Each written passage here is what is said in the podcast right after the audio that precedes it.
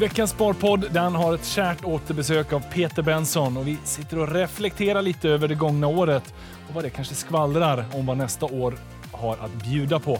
Sen ger Peter eh, vilka aktier de har i sina portföljer just nu och eh, vad de tycker är lite intressant och inte minst pratar vi det noteringsår som vi har bakom oss och ifall det där kan fortsätta. Allt detta och mycket mer, det snackar vi om och nu kör vi igång. Jag säger hjärtligt välkomna till Sparpodden. Denna vecka sitter jag här med Peter Benson. Hur mår du? Tack, bara bra Alexander. Ja. Kul att ses. Du, kul att ses uh, detsamma. Mm. Det var inte så länge sedan vi sågs. Vi har, Nej. vi var på ett litet mingel här om eh, dagarna. Ja, exakt. Eh, Affärsvärlden har flyttat till nya lokaler och eh, vi hade drink, eh, drinkmingel för eh, lagom många, får man säga. Ja, Det det, trevligt. det behöver man understryka. de Jättekul att du var med. Du, det var jättekul att vara med. Eh, ma- det bjöds ju på lite så här börsdrinkar. Ja, De exakt. som eh, kikar på, på klippet här nu på Youtube så ser man att jag håller upp en bok här om börsens bartender. Ah. Jag, jag gillar, ni brukar ju dela en drink i varje tidning här nu de senaste veckorna. Mm. Ja, men exakt. Vi har, vi har en, en skribent som har varit länge på Affärsvärlden som heter Hans-Olof Öberg, som är eh, mixolog också. Det- Som tydligen är det vetenskapliga namnet på någon som är jäkligt duktig på att eh, komponera drinkar. Ja. Så han har komponerat eh, eh, ett 50-tal då börsrelaterade drinkar. Ofta med basen någon känd drink som en gin and tonic eller någonting sånt där, men sen som är någon twist. Ja. Så då kunde det vara till exempel i, i, i eh, häromdagen så drack vi eh, Houdinis Lockup som, som f- för en eh, högtidlig håll eller minnes, till åminnelse av att EQT på ett Houdini-likt sätt tog sig ur sin lockup Just med den här stora försäljningen. Ja. Ehm, och sen drack vi en Krüger special också tror jag. Med en väldigt stor isbit. Ja, exakt. Som kanske var lite ett symbolvärde. Sådär. Ja, det var för någon typ Titanic-liknande krasch. Ja. Möjligen. Ja, det är lite roligt. Ja. Eh, för oss börsnördar så är det där en liten extra trevlig... eh, Den här finns väl att beställa, tänker jag, sådär på typ- Ja, är, är, man en, är man snäll så kan man kanske höra av sig. Och det finns att köpa också förstås. Ehm, den fick en utmärkelse som eh, årets bästa eh, dryckesbok alla kategorier tror jag. Av någon, någon, I Sverige möjligen. Av någon eh, sån här ansedd gourmettidning. Oh, Mm. snyggt. Mm. Eh, och när vi sitter och spelar in det här, då är det den 17 december. Har du börjat komma i julstämningen? Ja, igår lämnade jag min sista krönika för året. Så att nu kan man fokusera på annat. Ah, Ja. skönt. Typ sådär köpa lite julklappar och... Kanske. Eller kommer du ge bort sådana här börsens bartender? Nej, jag tänkte variera mig lite kanske. Ja, Får se. snyggt. Ja, ni hade ju en annan bok också. Eh, 120 år av misstag och felbeslut. Ja, Så det kan vara de två då som landar. Ja, det är mina memoarer. Nej, Ja, riktigt så. riktigt så gammal är jag inte. Nej. Nej. Nej. men det är till eh, högtidlighållandet av Affärsvärldens 120-årsjubileum som då infaller i år, 2021. Så då eh, kan man förstå att vi grundades 1901. Och så har vi, eh, det är också Hans-Olof och två andra gamla affärsvärlden-rävar som har inventerat olika liksom, skandaler, krascher, stora haverier över de här 120 åren. Eh, och beskriver det på ett kul sätt. Ja. Så det kan vara Krügerkraschen, det kan vara eh, olika eh, politiska, ekonomisk-politiska eh, snedsteg, eh, finansbubblor, Ja. eh, fermenta, massa saker. Det har ju hänt en hel del under Mm, de här senaste det. 120 åren. Och det är rätt eh, bra ibland att få sig en liten historisk eh, Mm. exposé, bara för att inte glömma av. För eh, vi- eller jag pratade lite med min studiokille om det innan, att historien kanske inte upprepar sig, men människor tenderar att i alla fall Mm. eka Verkligen. historien om och om igen i Ja. tiden. Exakt, man brukar säga att den rimmar. Den rimmar lite. Ja. Eh, så att, eh, att lära sig lite av det gamla är inte alltid fel. Mm, nej, men eh, det är det verkligen Ja. inte. Men på tal om att lära sig då, vad, vad har du lärt dig av börsåret 2021? Om vi nu sitter här mot slutet och ska reflektera över det Jag, börsåret.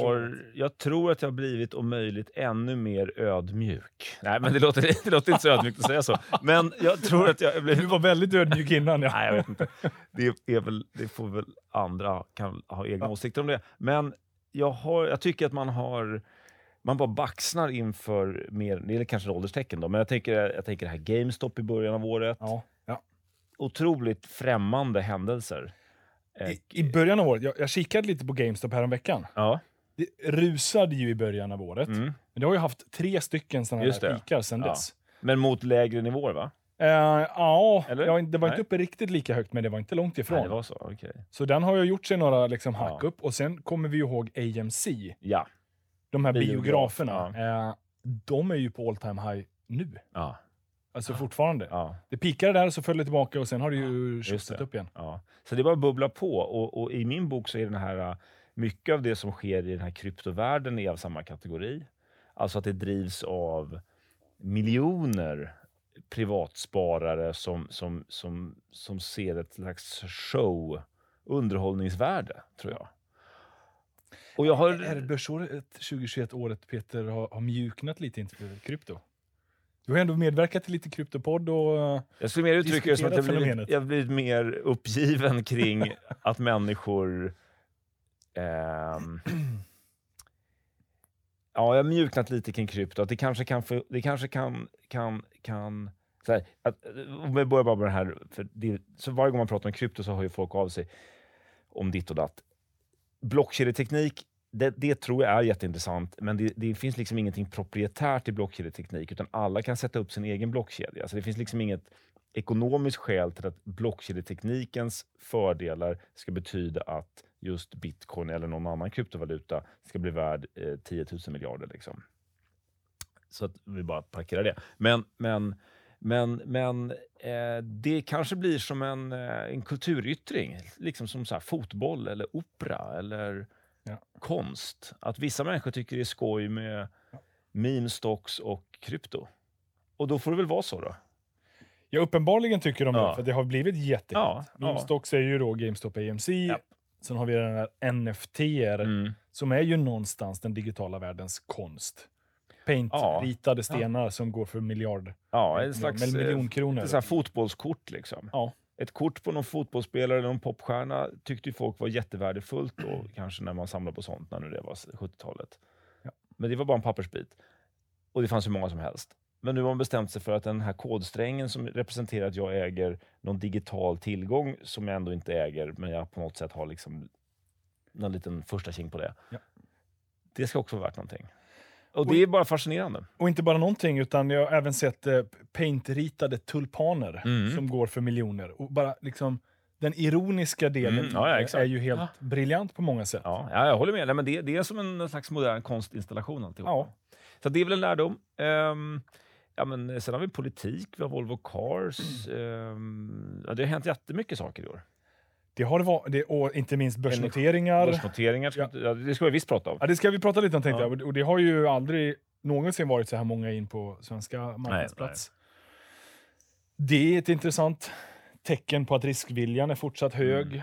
Mm, Ganska mycket eh, Mm. kronor i cirkulation som uppenbarligen kan hitta till nya aktier. Mm. Ja, men minst sagt. Vad tycker du mer? Vad har vi missat? Vad, vad, vad mer har det hänt som har varit Eh, nej men det, alltså på, på det politiska har det ändå hänt en hel del. Mm. Vi har eh, haft två eller tre statsministeromröstningar under Mm. året. Typ liksom Stefan fick Mm. avgå i somras och sen två gånger för Magdalena här. Eh, det var ett ganska stort utspel kring ISK under Mm. sommaren. Just det. Och sparande. Bra jobbat av. Nordnet där. Bland annat, men Mm. framförallt eh, märker man engagemanget hos Mm. spararna. Det är ju det som har drivit det. Ja. Eh, och den frågan kommer säkert liksom eh, ligga och pyra här lite Mm. när det är ett valår inför nästa år. Mm. Men jag tror att det, det fångar väl de ganska stora. Samtidigt är det intressant fenomen som inte har pratats jättemycket, men råvarupriser har ju skjutit i höjden. Mm. Oljepris, timmer, eh, timmer har gått upp och gått ner. Mycket har gått upp eh, och har ännu kanske inte riktigt fått sin fulla effekt i bolagen och i liksom alla led. Mm. Mm. Nej, men så kanske det är. Och det, det, det är ju... Men liksom, ja. eh, Logistik har vi ju pratat Ja. eh, så att Ja, ja, det är eh, komponentbrist och svårt att frakta saker. Mm. Men det tal, alltså, när råvarupriserna stiger, då talar det ändå för att det, finns en, att det, är en, att det är en väldigt eh, stark ekonomi i, i grunden. Så att säga. En stark slutefterfrågan och inte bara, inte bara eh, liksom små, små flaskhalsar eller någon liksom finansiell tryckkokare. Liksom. Men, men ehm, Ja, men, Ja. men tar de flesta basmetallerna upp, eh, Mm. tvåsiffrigt, bomull upp eh, 40-50 procent. Och d- dollar, äh, oljan är väl upp då 20-30 procent, någonting sånt. Ja. Eh, Det här är ju ändå saker som förändrar lite villkoren för Mm. bolagen. Vissa gynnas, vissa missgynnas. Mm. Det är ändå värt att ha med sig. Mm. Ja, det är spännande. stabiliserar sig uppe på de här nivåerna. Mm. Det har väl delvis då drivit igång inflationen som vi nu ser. Mm. Som vi har sett nu några månader, över 3 procent. Mm. Nej, det, det tycker jag nog är den... Det är kanske inte, den, är, den är inte så... Det är inte så spännande och, och, och, och eh, actionfyllt, men det är en jättestor grej om inflationen liksom varaktigt nu blir något annat än jättelåg och fallande. Liksom. Ja. Det är första gången på 40 år. Så att, det är superspännande. Men det, det är två, tre månader än så länge och man får se. Och det är mycket Ja, styrt ja, av elpriserna som vi vet är så här, temporärt i alla fall ganska höga. Mm. Eh, om elpriserna förblir på de här nivåerna, då kommer det ju bli väldigt jobbigt i plånboken Mm. eh, efter den här vintern. Det kanske det blir, men det, det kan ju inte vara uthålligt i alla fall på de här Mm. nivåerna. Nej, då kommer ju folk eh, att sätta på sig trippla ylletröjor och dra ner värmen. Ja. Det är ju vad, alltså svenska villaägare kommer göra det. Ja, och då, och då ska nog priserna på bostäder ner. Ja. Och det borde påverka bankerna Mm. en del. Mm. Men det, det är så här, det vi får Ja, se. ja, ja. Det är lite breda Det är mycket penseldrag. spännande. Men, eh, men där, jag tror att vi fångar det mesta av det här börsåret. Men någonstans får man väl säga att det, det är ett rallyår. Mm. Den eh, liksom, momentum som startades sommaren 2020 efter att vi liksom har sett sedelpressarna gå igång och den allmänna återhämtningen skulle börja. Den har väl ju egentligen bara fortsatt här Mm. under 2021. Det känns som att den momentum är fortfarande i rullning Mm. inför 2022. Mm. Sen hur länge och hur starkt den håller i sig, det, det återstår att se. Men Mm. det känns som att i underliggande ekonomi finns det ganska goda förutsättningar. Mm. Bolagen ökar sin försäljning, de ökar sina vinster. Ska vi se att de kan bibehålla marginalerna här uppe, Mm. för lönerna kanske kliver upp lite. Mm. Om vi nu ska se en inflation. Mm. Ja, nej, det, det, det blir det som blir testet för inflationen. Nej, men visst är det så. Sen så har ju vissa eh, eh, sådana här poppis tillväxtaktier fått sig en snyting här på slutet. Men, eh, men, eh, men visst är det någon slags eh, väldigt speciell högkonjunktur ändå. Jo, eh, jag bara observerade att OMXS30 är ju upp 25% i år Mm. och First North 25, vilket är ju motsvarigheten då till Mm. de mest handlade på First North. De är ju ner 15% Så det säger ju någonting om att Ja. storbolagen går bra men småbolagen, eller framförallt de här Mm. mikrotillväxtbolagen ofta. Just det. Det är Jag har- med där också. Jag tänkte säga det, jag har ingen intuitiv bild av hur stor del av First North Embracer är en ganska stor, det är Ja, det största bolaget. Jag säga, ja, störst är det lätt, men frågan är om det är så halva indexet eller... Nej, det är det inte. Det är det inte, nej. Uh, men, de, men de är rätt stora, men det finns ett gäng andra Ja. relativt Ja, det gör det. det, gör det. Du har rätt i. Några fler miljardbolag. Just det. Men det är en hel del sådana här clean tech-grejer som, som, som kan ha Ja. gått lite dåligt. Medtech. eh, Mm. Men man ska komma ihåg då att First North 25 steg 90% förra året. Ja, just det. OMXS 30 var väl 5 Mm, eller något mm, sånt. Just det. Så det finns ju bara den där liksom, Mm, Eh, återgången till medelvärdet. Mm, Och det gör ju börsen lite från tid till annan. mm. Ja, men så är det verkligen. Sen är medelvärdet lite lätt stigande kanske över tiden, men det br- Mm. brukar liksom pendla däremellan. Från eu- eufori till pessimism. Mm, jo.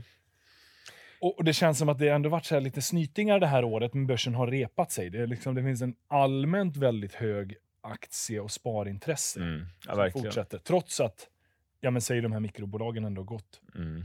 ganska dåligt sen i Mm. somras. Mm. Fast det är väldigt mycket så Evolution och Embracer. De, de nedgångarna och några till liksom, är väl de som har gjort stor... eh, Sinch, Ja, Sen syns, de kom exakt, in i exakt, somras. Exakt. alla de som har varit Ja. de största vinnarna efter covid, Mm. har ju haft sig eh, ganska mycket Mm. paus eller tillbakagång här Mm. under senaste halvåret. Mm. Men det måste göra stort avtryck i, i, i folks portföljvärden. Liksom. Jag, jag tänker det. Men eh, om man bara reflekterar över vår statistik och vi ser privatsparare, just, Mm. de, de är ju köpare. Mm. De ser ju potentialen i de här Mm. kursfackorna att Mm. det här är läget att köpa Mm.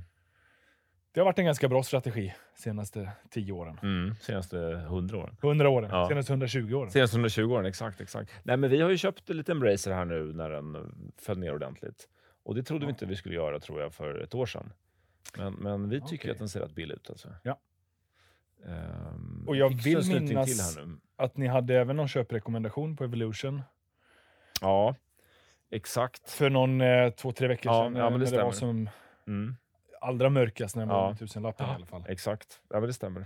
Så att många av de där är ju ganska, det är ju, det är ju bolag som växer, Mm. väldigt lönsamma, men har ju också haft en ganska stretchad värdering över Mm. tiden. Mm. Så att det, det kanske var naturligt Mm. att se en återhämtning. Mm. Men, Ja. på, men eh, när ni säger att ni köper det, ni har ju lite olika portföljer. Ja, när, vi, när jag bara säger sådär, då menar jag ju, om, om inget annat nämns, så menar jag ju då Affärsvärldens portfölj, som vi bara heter AFV-portföljen helt enkelt. Och där har vi ett eh, 15-20-tal aktier. Eh, och eh, numera då även Embracer, Just det. eller sedan en tid tillbaka. Och jag vill minnas att den har väl gått ganska som index i år. Typ Portföljen? Ja, Ja, 22 procent. Den, den är nog lite sämre än index. Eh, Av historiska skäl så jämför vi oss med OMXS 30, vilket ju inte är världens bästa index. Ja. Eh, och då har vi gått ungefär som dem, men ett annat index som man skulle kunna ha valt, då är vi kanske 5% efter. Någonting sånt där. Ja. För det, är- det är utdelningar och sånt där. Så att det är vi inte nöjda med. Särskilt inte som vi låg faktiskt ganska bra till. Vi låg en bra bit före i, eh, under sensommaren här om jag minns rätt. Ja. Men eh, Ja, men det får ni fixa då. Jag tror inte vi hinner fixa det till årsskiftet. Nej, okej. Nej. Det kommer ett nytt år nästa år. alla Det kommer ett nytt år nästa år, precis. Men det är lite, vi har ju tre portföljer. Vi har en utdelningsportfölj och vi har en som vi kallar för buy and hold-portföljen och sen har vi då eh, AFV-portföljen. Och, eh, eh, förra året då var det lite tvärtom, att eh, utdelningsportföljen hade haft det lite tufft medan AFV-portföljen gick jättebra. Eh, och framför allt så gick buy and hold-portföljen väldigt bra. Där har vi ja, vad är det, 150 innehav. eller sånt där. Det är helt sjukt. Vi köper lite varje gång som vi har, har, en, har ett köpråd. Ja, just det. Ehm, Och sen säljer ni inte den. och så säljer vi den inte om vi inte om den inte typ blir uppköpt eller om vi vänder till ett säljråd, vilket vi väldigt sällan gör. Vi har ganska få säljråd. Ofta så ligger man och pendlar mellan neutral och köp. Liksom. Just det. Eh, och eh, då adderas det. Det åker ut lite aktier då och då, men det adderas netto hela tiden. Ja. Eh, för vi skriver fler köpråd. Och eh, man kan tycka då att med över 100 innehav så borde man inte kunna slå index. Liksom. Men, men den har gått bra, alltså, vilket är rätt kul. Men det, det är ett intressant fenomen som uppstår. Eh, för i den då, jag, kan, jag drog inte ut alla, men man kan ju Mm. se då att det är några som står för en liten större del. Och det blir att de koncentreras ju om de har gått bra. Ja, det är de här vin- vinnarna löper ju bara på. De det ska sägas också, de, här- den, de här köpen görs en till två veckor, eller liksom, det, det görs liksom en bra, flera dagar, upp till två veckor efter publicering. Ja. Så att det är liksom inte någon sån här uh, första dags effekt här, uppenbarligen, eftersom man också då mm, vi sen kan behålla dem i, liksom, ja, men, i evighet. Ja. eh, Potentiellt. För det, jag ser de fem största innehaven där är ju Evolution, Note, Played, Awardit och Sinch. Ja. Bolag som har, har ju gått väldigt bra. Det här, Ja. De har ju ni ägt ett tag. Ja. Eh, Ja, och vi kan ha haft köpråd för flera år sedan och Ja. sen så eh, kanske vi haft neutral ett tag och sen så var det ett nytt köpråd och då köper man en liten slatt till. Och så där håller det på liksom. Ja. Eh, så det är fantastiskt. Och, och det är ju allt annat lika borde ni ju då, om ni har gjort er analys rätt, plockat ut de bästa på börsen och sen låter man då, då vinnarna koncentrera sig och bli lite större del av. Ja, fast, fast, eh, Så det blir ganska indexnära, men förmodligen då lite vikt mot ja, fast ja, sådana som precis. ni av någon anledning ser är lite bättre än Alltså, gemene bolag. ja, fast eh, eh, den, den då smalare AFE-portföljen med kanske 15 innehav, den är ju mer ett försök att spegla vår, våra, våra bästa idéer vid varje tidpunkt. Medan en buy and hold-portfölj kommer ju spegla mer vad vi någon gång tyckte var bra och så köper man det, lägger i byrålådan och så ligger det kvar i byrålådan så att säga. Ja. Och, om det inte är något väldigt specialfall. Men annars är det så här, man kan ha gillat någonting för tre år sedan, lägger i byrålådan, aktien går upp jättemycket. En mer aktiv förvaltning, då skulle man kanske sålt den där aktien. Ja. Men här gör man inte det, utan då ligger den kvar i byrålådan. Och då blir det så där jäkla bra. Och, vilket är, det, liksom det, det, och det här ska vi säga också, det här är ju riktiga pengar på en, en eh, depå på Nordnet.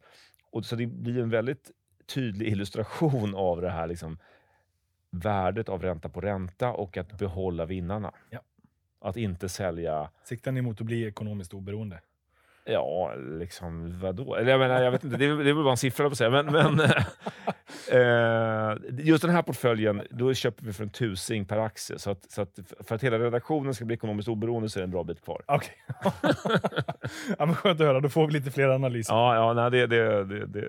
Nej, men det, det var det jag var inne på, just den här idén av att köpa några, lägga dem i byrålådan Mm. och sen vinnarna kommer och liksom, de kommer att koncentrera portföljen, för de kommer att bli lite större. Ja. Nu är Evolution då, som är största innehavet, är 2,6 procent. Ja. Så det är inte så Nej, det är inte koncentration. Så. Exakt. Men det är ändå rätt stor skillnad från någonting annat som kanske bara är 0,1 procent. Ja, ja, ja, exakt. exakt. Ja, det, det, det, det är rätt... Eh, Men det är det jag menar, jag gillar strategin av att köpa bra bolag och bara lägga dem i byrålådan. Mm. Alla där kommer inte vara bra. Eh, och om fem år så har en bra gäng av de där försvunnit. Kanske, för att Mm, ja, ja. eh, liksom, de blev uppköpta eller på annat sätt Mm. inte... det spelar liksom ingen roll vad som händer. Den, den sämsta fjärdedelen, vad som händer med dem spelar liksom inte så stor roll. Nej, Utan det, det är ju vad som, vad som händer med den bästa fjärdedelen liksom, som, som, Ja. kommer, som kommer styra den här avkastningen. Ja. Eh, och det gäller, ju, det gäller ju ganska många portföljer eller förvaltningsstilar att, att vinnarna har större betydelse. Men men i den här Inte kommer bara. det ju inte det. För att Evolution, om de dubblar sig härifrån så påverkar inte det den portföljen så jättemycket. Påverkar lite, men det är i och med att det bara är 3 procent. ja, fast du får ju den här matematiken att förlorarna kan ju bara gå ner 99% cirkus. Ja. Medan vinnarna kan ju gå upp 1000 Ja. Eh, och, och eh, har du en supervinnare på varje superförlorare så kommer det ändå bli så nettot av det blir väldigt bra ändå så att säga. Men ehm, eh, i, i, så som vi är till kynnet på analysredaktionen på Affärsvärlden så är vi nog mycket mer egentligen att vi tänker på nedsidan och värdering och, och, och liksom, vi har varit ganska duktiga på att undvika stora förluster. Och det tycker jag också man ser i de här portföljprestationerna över åren. Att nu har vi ett lite dåligt år för Affärsvärlden-portföljen. Ja, då är vi liksom några procent efter index. Men när vi har ett bra år, då kanske man är så här 10-20 procent bättre än index. Ja. Eh, Medan vissa andra förvaltningsstilar, då kanske är så här att ett bra år, då kanske man är upp 100 procent och ett dåligt år, då kanske man är ner 50 procent. Eh, och, och det finns inga rätt och fel riktigt i det här. Ner 100 procent kan man säga, då är det fel. Då är det riktigt illa. Då är det riktigt fel. Men, men, eh, men vår, vår, vårt kynne och vår liksom, så som vi liksom försöker kommunicera till, till våra prenumeranter, det är ju att eh, det här är ett, någonting för investerare och sparare, inte för liksom, spekulation och underhållning. så att säga. Det kan man syssla med också, men då finns det nog bättre eh, inspirationskällor. Reddit. Reddit, Wall Street Bets. Ja, Exakt. Typ. Precis. Ja, men jag gillar att ni ändå ni har de här eh, som man kommer åt om man är prenumerant. Eh, utdelningsportföljen då, den har ju haft lite en eh, revival det här Ja. året. Det borde man ju nästan kunna gissa att det kanske är även nästa år. För nu har ju utdelning varit ganska så utslaget. Det har inte varit den populäraste strategin Mm. för att bolag har tvingats ställa in eller på annat sätt valt att ställa in utdelningar. Ja, vår vår, vår Men, ja. utdelningsportfölj, då väljer vi... Man ska ha runt 5 eh, direktavkastning, då är man liksom på, på kvalificerad. Och bland, ur den listan då, som brukar vara ganska varierande lång beroende på börsklimat, eh, så väljer vi ut ett eh, 10-15-tal som vi gillar varje år. Och så låter vi den ligga typ ett år. Vi kanske gör någon liten förändring. Eh, och den utdelningsportföljen har varit ganska bra vissa år, men den hade dåligt år då i eh, Fjol.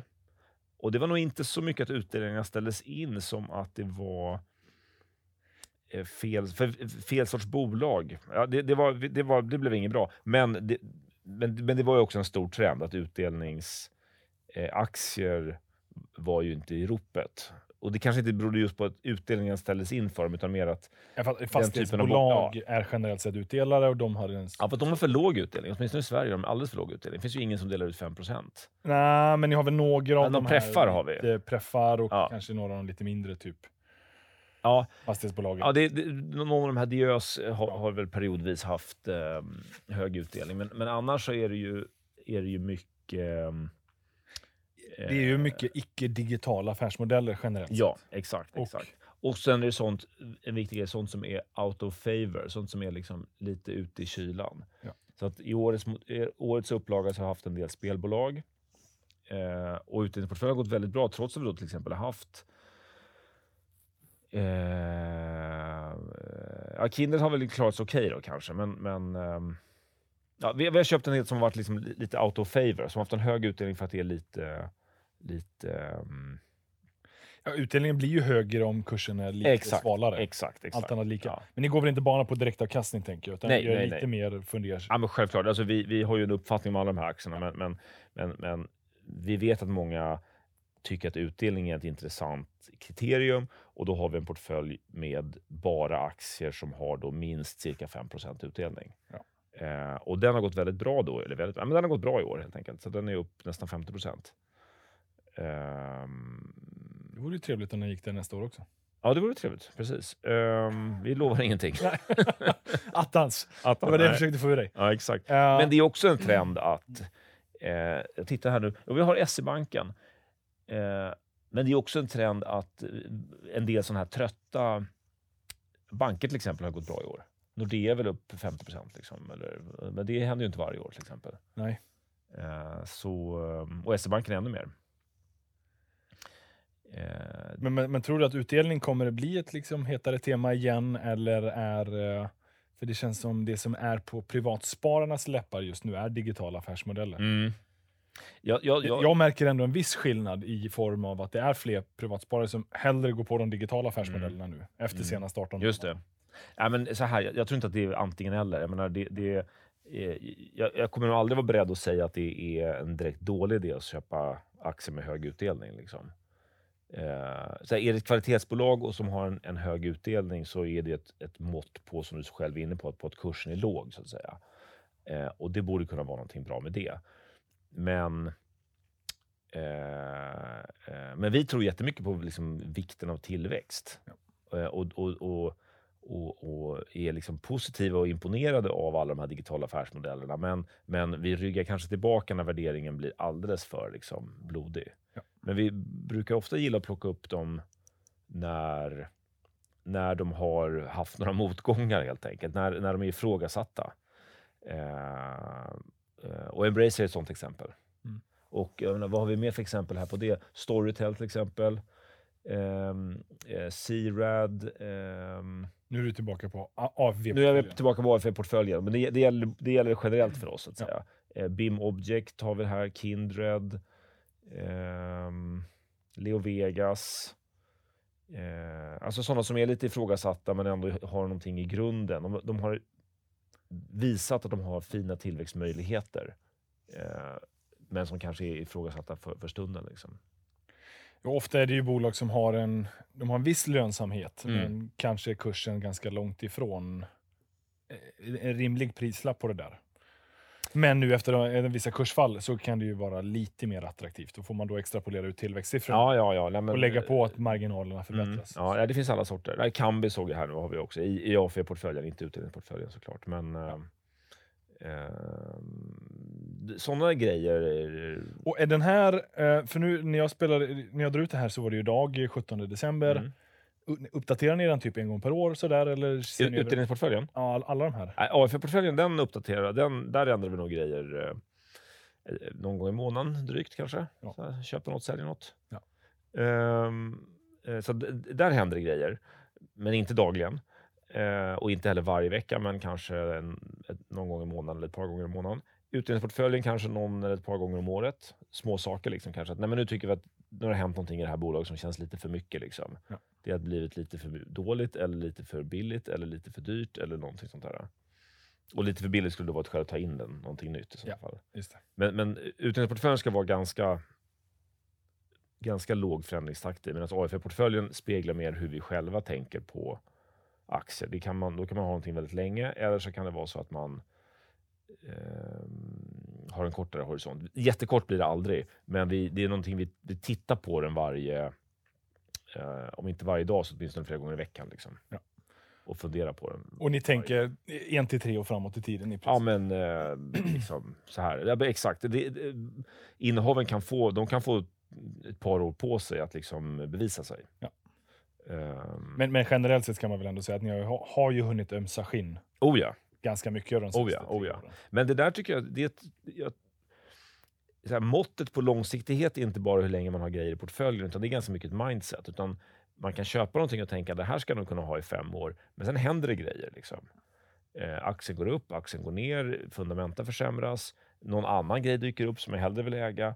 Så att även om man är långsiktig så kan man ha en, en, en rotation i portföljen som inte är noll. Liksom. Jag håller med. Men man ska vara vaksam för Mm. att det är lätt att tänka att det händer saker, jag måste Ja, ta action. Eh, Mm. Och i vissa fall så kan ju historien sen då visa att mm, det hade varit bättre att bara sitta Mm. på mm, händerna. Men, men det är en avvägning, jag håller med. Man kan Mm. inte bara säga att jag ska vara långsiktig och sen måste man äga i fem år och, och inte våga ifrågasätta. mm. Nej, men det, är- det är intressant, för liksom, den här buy and hold-idén då, det är ju i princip det här. Jag gillar det en gång, jag köper och sen bara skärmar jag av. Jag struntar i allt nyhetsflöde. Och det Eh, funkar ju. Och det funkar. Ehm, men Så- jag tror... men AFV funkar ju också, så svaret är väl att vara konsekvent. Det Välj finns, strategi det och fin- vara konsekvent. Exakt. Och liksom, säg inte att du ska göra X och sen så blir det Y. Det är Nej. dåligt tror jag. Ja. Utan... eh, eh, Säg att du ska göra X och gör X, säg att du ska göra Y och ja, gör Y. exakt. Så hitta, hitta en förvaltningsstil som man, som man eh, tror på och trivs med och som, och man, har, som man har psyket för. för eh, då, då, då, eh, så här, tickar man av de boxarna, då finns det ju säkert hundra förvaltningsstilar som, som kan vara bra. Liksom. Ja.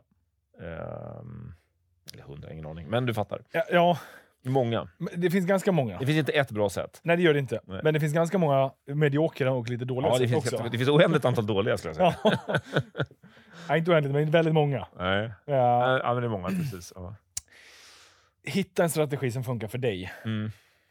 Våga förändra den, liksom, eller våga ifrågasätta den, Mm. utmana den. Men eh, kanske inte var och varannan vecka radikalt Nej. förändra strategi. Nej. Utan våga vara lite mer långsiktig. Mm. Eh, man måste inte äga de allra bästa tillväxtaktierna på börsen för att faktiskt lyckas överprestera börsen. Mm. Utan det kan man göra med tråkbolag också. Mm. Eller med de här spännande tillväxtbolagen. Mm. Ja, nej, men, bara till att man är konsekvent. Och beroende på vilken strategi man väljer, att man har eh, psyke nog att fullfölja.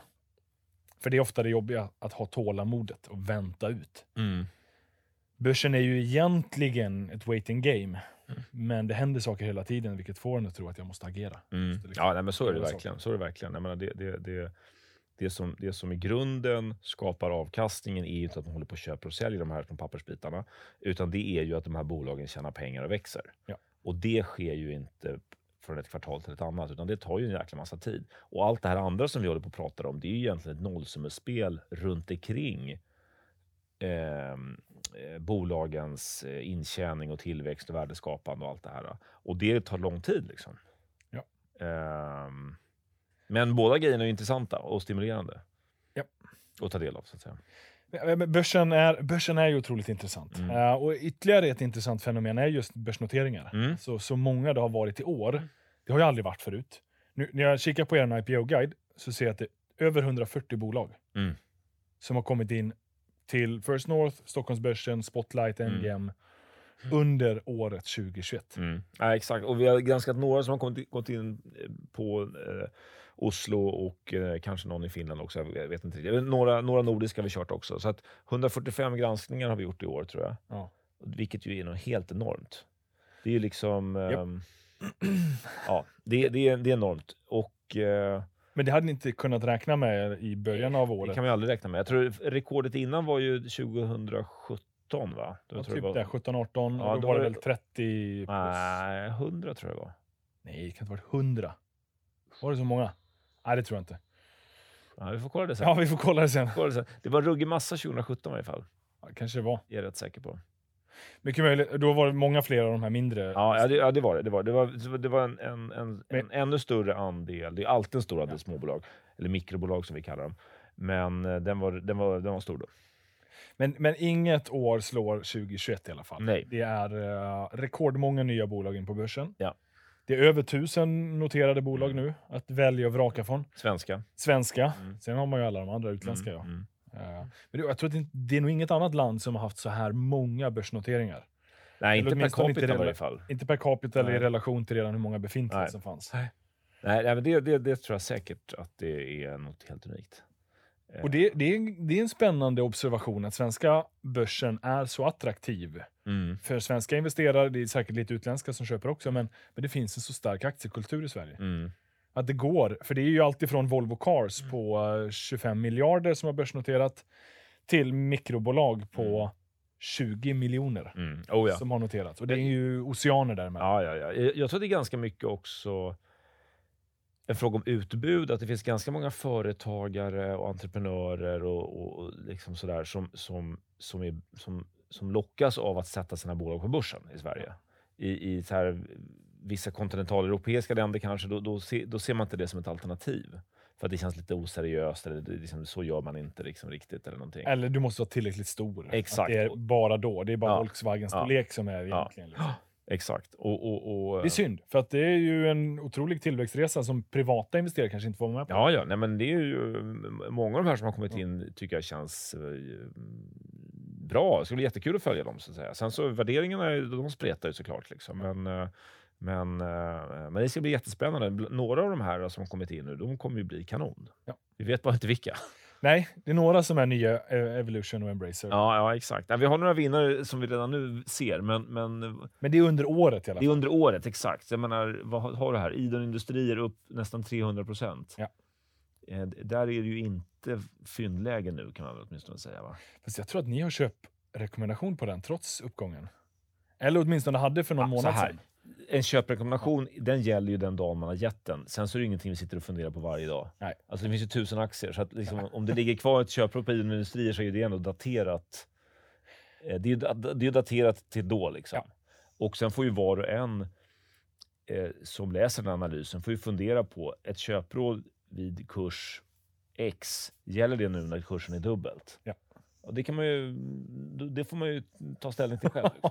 ja, ja, men jag fattar. Ja. Ja, men, men det är en imponerande resa. Mm, mm. Eh, det finns väl några andra ganska starka. Ja, men, det är, det är fan, men, men jag tycker Check-in är ju en sån som också hade... Check-in, eh, Spermosense, eh, Flat Capital, Wicked Gaming har du med här. Jag, jag har fastnat lite grann för de här lite större drakarna som har gått väldigt bra. Då, eh, Volvo till exempel.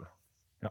Det är ändå... Det är ju inte en kursvinnare, men det är imponerande. Den är upp 42 procent nu. Ja, eh, precis. Det är ganska mycket. Det är väldigt mycket För att vara liksom ett sånt megastort bolag. Ja. Eh, Och för att vara så många som pekar på så mycket risker Ja. och eh, oroligheter. Och, och den, den stapplade start, starten. Ja. Truecaller tycker jag är lite intressant också. Upp 148 procent när jag kollade. Ja. Eh, Det är ett ganska stort bolag och ett ganska häftigt bolag faktiskt. Och var ju en sån, ett sånt bolag som det pratades mycket om kommer Mm. att välja Stockholm. Bara för att det är ett ganska internationellt bolag idag. Mm. Eh, lite av en karaktär som jag tror väldigt många amerikanska investerare skulle Mm. slänga sig över. Mm. Men det är Ja, kul att det är ett svenskt bolag som väljer sig att notera. Mm. Ja, men visst. Och, och, men då, då, det finns utmaningar i det där bolaget också, men det är uppenbart att... att eh, eh, Tillväxten är, är i deras favör. ja, men otroligt starkt. Eh, och det här Citec, 167 procent upp, det är ganska mycket också. Ja. Det var ju halvdyrt redan vid noteringen. Liksom, så att, eh, Ja. Mm. E- elektrifieringen. ja, exakt. För det är väl en eh, Garo-utmanare typ? Eh, ish. Ja, men det är någon slags batteriladdare. Ja. Och, och eh, det, det man inte vet är väl, eller vet och vet, men det finns en ganska stor business som inte är så spännande. Det är sådana här liksom man köper på Clas Ohlson för 199 kronor. Just det. Och sen så är det liksom eh, eh, ladda, el, ladda elbilar som ju verkar lite mera... Eh, där, där det går att ha massa tillväxtdrömmar. Liksom. Ja. Jag, jag kan inte Citec alls. Jag, det uppfattas som ett jättebra bolag, men, men Det har gått rätt bra för dem, kursmässigt. allt, allt, allt har sitt pris. Liksom. Och eh, det är uppenbart att det här har gått väldigt bra. Jag gillar att ni lägger ju flaggor. Mm. Inför eh, alla de här IPO-erna så har ju ni tagit lite tid att läsa igenom prospekten Mm. eh, och lägger ju lite flaggor. Ja.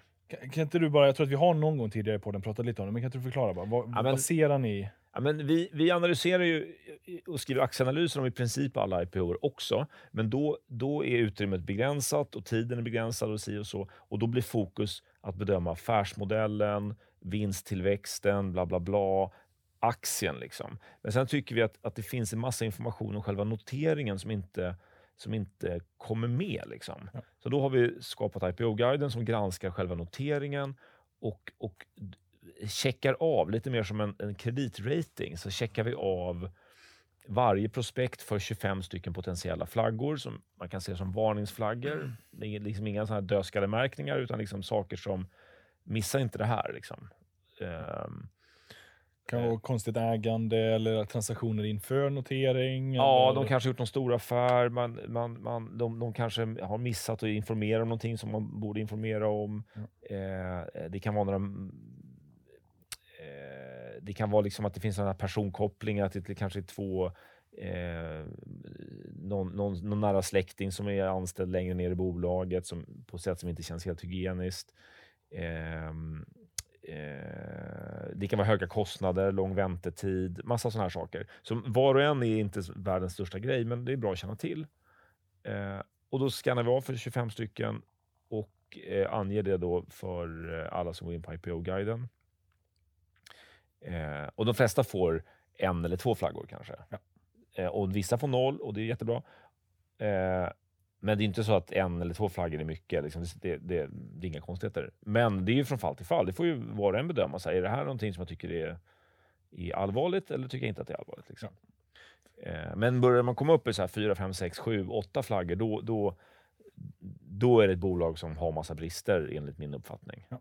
Eh, och du hade ju varit så bra och tagit fram lite kursdata på det där. Ja, men jag gjorde det så enkelt att eh, ni, ni, är ju föredömliga och delar, redovisar allt det här, mm. alla flaggor och allting sånt på er IPO-guide. Så jag bara drog ut och kollade genomsnittavkastningen beroende på hur många flaggor ni mm. har gett.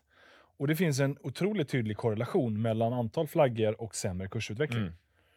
Mm. Uh, så ni har ett bolag som har gett åtta flaggor och då är det ju liksom minus 30 procent. Mm. Uh, sju flaggor går sämre än sex flaggor och ja, man kan egentligen säga att fyra till åtta flaggor är negativ avkastning. Mm. I genomsnitt under börsåret 2021. Mm. Intressant. Och sen då 0 uh, till 3 flaggor uh, har varit en positiv avkastning. Mm. Men det, där det är då ännu bättre för två flaggor, ännu bättre för en flagga mm. och allra bäst kursutveckling för de som har noll flaggor. Mm. Mm. Äh, det... det är färre utval tror jag på nollflaggorna. Så, för det är ja. inte... Det, så är det. Och, och eh, vi ger också retroaktiva flaggor för, eh, för dålig kursutveckling. Så, så, att de dåliga blir ju liksom extra dåliga så att säga. Ja. Men, men även om man drar bort en flagga eller två för, för de här med många så, så kommer de ju ändå sticka ut. Ja. Helt enkelt. Så, att, så att, vi tror att vi är någonting på spåren med det här, att man liksom ser Ja, men det, det, tycker jag man kan konstatera att ni är. Alltså givet ja, ja, ja. utvecklingen. Ja, nej, men, att det här är, eh, ja, men det är en bra sanity check som ni ger. Mm här är någonting man som investerare behöver hålla koll på. Mm. Uh, och I vissa fall är det ju bara bra att hålla koll på det, men i många fall när de börjar addera, mm. det börjar dyka upp en fyra, fem stycken olika flaggor. Mm. Ja, men då är det här kanske inte ett bolag som mm. skulle vara på börsen just nu. Och ibland, ibland är de ganska allvarliga och då tar vi naturligtvis upp dem också i, i analyserna och liksom lyfter fram dem mer och vrider och vänder på det. Och det kan ju vara till exempel tveksamma incitament kan vara en sån där. Att det finns någon, någon, något märkligt avtal där en, en uh, nyckelperson också är delägare i något leverantörsbolag eller liksom ja. det massa sådana här myskosaker. Uh, en intressant bakgrund till IPO-guiden är att den är ju sponsrad av Spotlight, uh, Stockmarket. Uh, och ett skäl till att de vill stötta den här. Och vi granskar ju Spotlight-bolag precis på samma sätt som vi gör alla andra. Och en, en poäng med IPO-guiden är att vi försöker vara transparenta med kriterierna så att bolag eller rådgivare kan lätt se vilka kriterier som gäller mm. och skulle vi så att säga, inte följa våra egna kriterier så kommer folk kunna se det. så att säga. Ja. Eh, och eh, Det händer att vi ändrar oss för att folk uppmärksammar oss på saker där vi inte är konsekventa. Liksom. Men hur som helst, eh, det Spotlight har sett är ju att det förenklar deras bolagsgranskning oerhört att det finns en, en extern part som också kikar på noteringarna. För annars är det ganska ensamt som, som marknadsplats att argumentera mot rådgivare och bolag att nej men ni måste, det här måste ni beskriva bättre, det här måste ni ha mer information, så här kan ni inte ha det, det här blir konstigt. Liksom. Men, men eh, processgången är väl ändå sådär att, eh, om man säger ett Spotlight eller vilken marknadsplats mm. som helst nu då, får ju en rådgivare som hör av sig, vi vill ta in det här bolaget, mm. så kollar de på det först och när de har godkänt och Finansinspektionen har godkänt, då publiceras det. Då får ju ni först se det. Absolut, men, men bara förekomsten av IPO-guiden innebär ja. ju att, att rådgivare, och marknadsplatser och bolag, de, de, de kan ju så att säga peka på att gör vi på det här sättet så kommer vi få en flagga i IPO-guiden. Ja, just det. Ja. Eh, för att så pass har det nog satt sig nu att, att liksom, rådgivarna känner till det här och, då, och, och marknadsplatserna känner till det och liksom då vet ju alla att så här, gör vi på det här sättet, då kommer vi få tre flaggor. Det kanske inte är så bra. Då kanske vi ska göra så här istället. Ja. och, och då finns det en, en, en, en, en, en extern part som man kan peka på att, att det får konsekvenser. Men alltså, tidigare skulle jag vilja hävda att då kunde bolagen göra lite mer som de kände för det och, och marknadsplatserna kunde möjligen ha synpunkter, men det blev ändå det är ändå deras kunder, så att säga. Så, att, så att då, då, då, släpptes det igenom mycket mer saker. Och det, vi har ju sett det, och att antalet flaggor tenderar att gå ner. Ah, okay. Ja, för ni har gjort det här sedan 2017? Ja, precis. Vi, vi, vi, granskade retroaktivt för 2016, ja. men, men det var ju retroaktivt så att säga. Och sen så live 2017. Eh, och det är ingen så här dramatiska ras, men, men, men det går ner och, och eh, eh vi märker ju tydligt att, att eh, alla har lite koll på det här. Liksom. Alla, alla i branschen så att säga. Ja. Nej, och Sen kan man ju även filtrera på rådgivare mm. i er IPO-guide. Så ja. du kan ju se om det är några rådgivare som har generellt sett ganska många fler flaggor. Mm. Det kanske de också då uppmärksammar marknadsplatserna och, och kanske är lite extra noggranna då. Sen får man alltid komma ihåg, det är deras kunder. Och ja. Det finns ett incitament i branschen ja. att fler ska in. För att... ja. jag, jag, jag är lite förvånad att, att vi inte har sett tydligare mönster på rådgivarnivå, måste jag säga. Jag, man har ju lätt lite förutfattade meningar att de här är si och de här är så och sådär. Men, men jag har svårt att se mönster. Ja. Eh, sen finns det vissa rådgivare som har Eh, Typer av bolag? Några större, några mindre? Ja, ja, precis. Eller man kanske till exempel tar in jättemånga på First North och då kanske man har som en modell att man också är certified advisor, man är också lite investerare i det här och då blir det lite kladdigt och då har vi en flagga som fångar upp det här när det blir lite många hattar så att säga.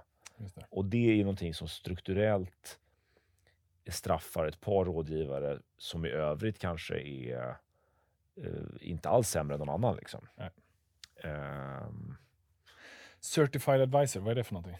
Det är att på First North och delvis även NGM, fast det kallas för sponsor tror jag, så har marknadsplatserna liksom lejt ut ett första lager av övervakning på mäklarfirmor ja. som då är Ehm, eh, de är certifierade rådgivare helt enkelt i informationsgivning och ska liksom hyfsa till och i någon mån svara för att det blir en okej okay informationsgivning. Ja.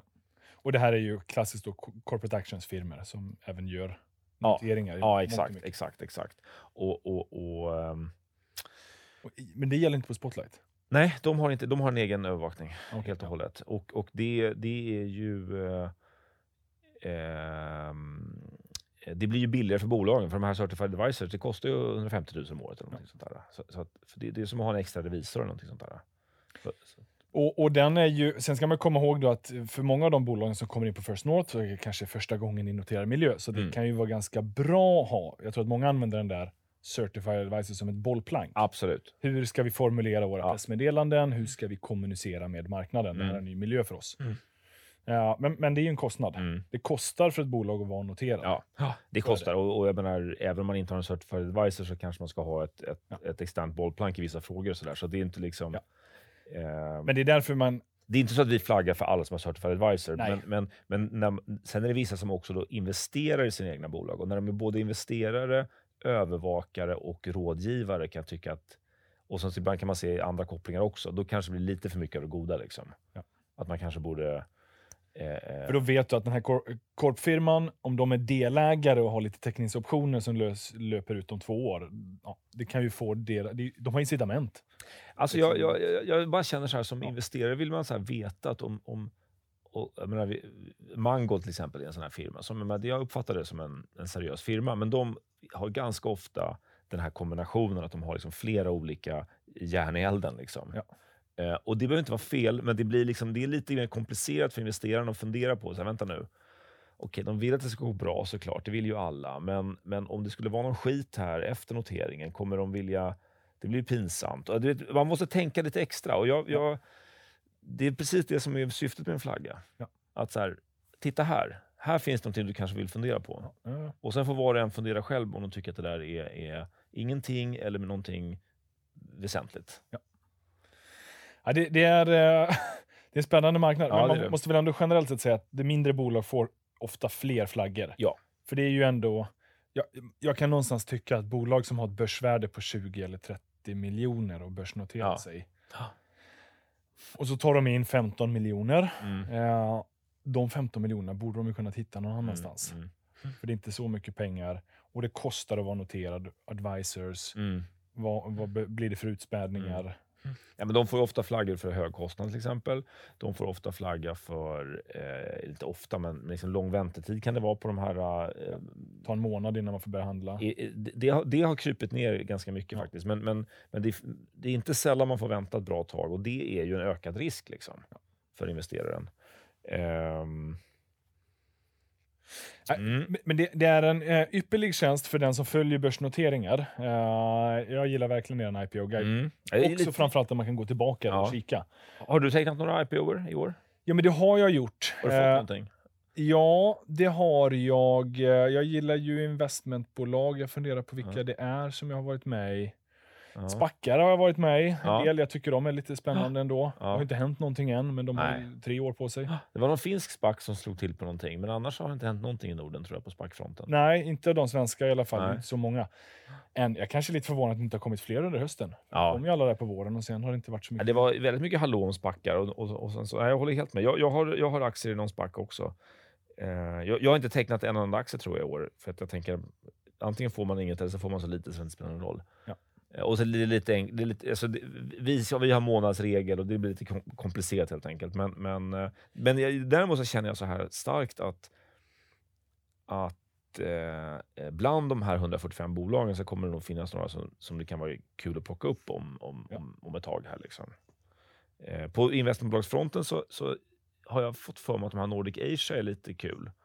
Om man vill köpa in sig i Kina. Ja, eh, de har ju fallit en bra bit nu på kort tid. ja, men det har de. Och sen har du ju... Eh, jag, jag tror att liksom substansvärdet har väl gått ner under året och lite sånt. Men de är ganska nya in på börsen. Ja, de är helt nya. Eh, jag, jag hade med Ginning här i podden för ett år sedan kanske. Ah, I alla fall okej. för tre kvartal sedan, innan det var aktuellt med börsnotering. Ja, kul. Så pratade vi om det. Okej. Och det är ju en otroligt stor marknad som Mm. svenskar generellt sett har lite exponering mot. Mm. Mm. Nej, men jag har hört bra saker om honom och eh, det är alltid kul att köpa någonting med rabatt. För det är inte alltid man kan det. Ehm, Nej, det är i dessa lägen. Mm. Och det är väl också e- e- ett konstaterande att investmentbolag som har historiskt sett handlats till en viss rabatt Mm. har ju varit och dansat på premie hela året. Ja. Det började redan förra året. Ja. Det kommer inte att vara så för all framtid, utan de där kommer att bli rabatt en dag igen. Ja. Eh, Det är bara frågan om när och vilken, liksom, när populariteten försvinner. ja. Nej, det här flat capital var väl kanske extremfallet. Ja, det är det ju. Men, eh, men sen är, finns det många andra. Mm. Eh, Kiriades är en fantastisk investerare, mm. men till 100% premie. Mm. Nej, förlåt. Jag, jag tänkte på, på IPO-fronten. Ja, på IPO-fronten ja, Ja. är ju Flat Capital Sticker ut. Eh, stack ut väldigt ja. mycket. Och Idun är en slags investmentbolag som jag tycker Ja. är intressant. Storskogen har gått bra fastän alla har så mycket synpunkter på dem. Ja. Um, vad har vi mer för några? Ja, det finns ju massa sådana här serieförvärvare förstås. men- Ja, de är ju väldigt mycket investmentbolags Ja. liknande karaktär. Exakt. Påminner mycket om Latour egentligen. Mm. Mm. Och att de inte har en börsnotering. Jag tycker det är kul med de här som känns lite mer entreprenörsdrivna. De, de som heter Norditech som jag, jag tyckte Affärsvärldens analys var intressant. Den, den skulle jag vilja hålla lite koll på. De känner inte till, de har jag missat. Nej, ja. Och sen så är Giab, godsinlösen, har gått dåligt. Som jag tycker verkar vara en duktig entreprenör. Ja. Eh, och även de här ut, utskällda Desenio, Rugvista eh, och det här um, Embellens, de här inredningsbolagen som kom i början av året som Just det. eh, fått rätt mycket stryk. Men jag tror fler... Har väl verkligen luften gått ur. Lite. Ja, oh ja, fruktansvärt. Och det kan vara något allvarligt fel där. Men, men, men jag tror att flera av de där bolagen är välskötta och bra. Om än, även om de då kanske var covid-dopade, Ja. så är det liksom det är intressanta affärsmodeller tror jag. Man kanske ska ta sig nu i mellandagarna Mm. när eh, liksom, eh, det allmänna livet lugnar ner sig Mm. lite. Ta och kanske fundera på vilka av de här bolagen som kan bli nästa Mm. långsiktiga vinnare. Eh, Mm. För det är lite som du säger, några av dem kommer att bli det. Alla kommer absolut inte vara det. Och det är en hel del av de där som inte kommer att vara kvar på börsen ens om två år kanske. Mm. Men, Ja, det är spännande. men några av dem, när liksom dammet har lagt sig lite, för det blir så hypat i början Mm. när det är en notering. Trots att det är 140 så har det varit ganska hypat. Många av dem får mycket uppmärksamhet. Mm. För, för att man vet att det är en, det är en sån tid just nu. Mm. Och sen så är det ett antal haverier då. Jag menar, Ja. Nilar och eh, Desenio och, Ja, och ja. så. Men, men det, Men det är kul. Det ger lite det är det action verkligen. Ja, for sure. på börshimlen och jag skulle väl gissa att det kommer att bli lite action även under 2022. Ja, kanske. Sen vilka svarta svanar eller gråa svanar eller vad det är som Mm. kommer att definiera det. Det, Mm. det märker vi när vi sitter här om ett år igen. Mm. och resonerar. Men eh, fram tills dess kommer det vara roligt och det kommer att gå både upp och ner. Mm. Så, så har vi fångat in det mesta. Ja. Skitjobbigt om det står helt still under nästa år. Jag tror risken är liten. Jag tror faktiskt att risken är väldigt, Väldigt liten Ja. Du Peter, eh, alltid trevligt att snacka med dig. Detsamma. Ja, och jag hoppas att ni som lyssnar har fått med Någonting. någonting. Ja, och kanske redan zonade ut när Peter sa att han var mer ödmjuk än någonsin. ja, men det tycker jag att du har blivit. Tycker du det? Ja, får absolut. Nej, det, fortsätt sticka ut hakan. Det är Mm, kul. mm. Eh, jag älskar att läsa dina krönikor i tidningen. Mm, tack. Du brukar våga sticka ut hakan ganska Mm, långt. mm. Ja, tack. Vi får se. Vi får se. Eh, än en gång, kul att ni har lyssnat. Och eh, vi får väl passa på att säga ett, eh, en god jul. Och Det gör vi. nytt år när det beger sig. Mm. God jul! God jul på er och vi hörs igen nästa vecka.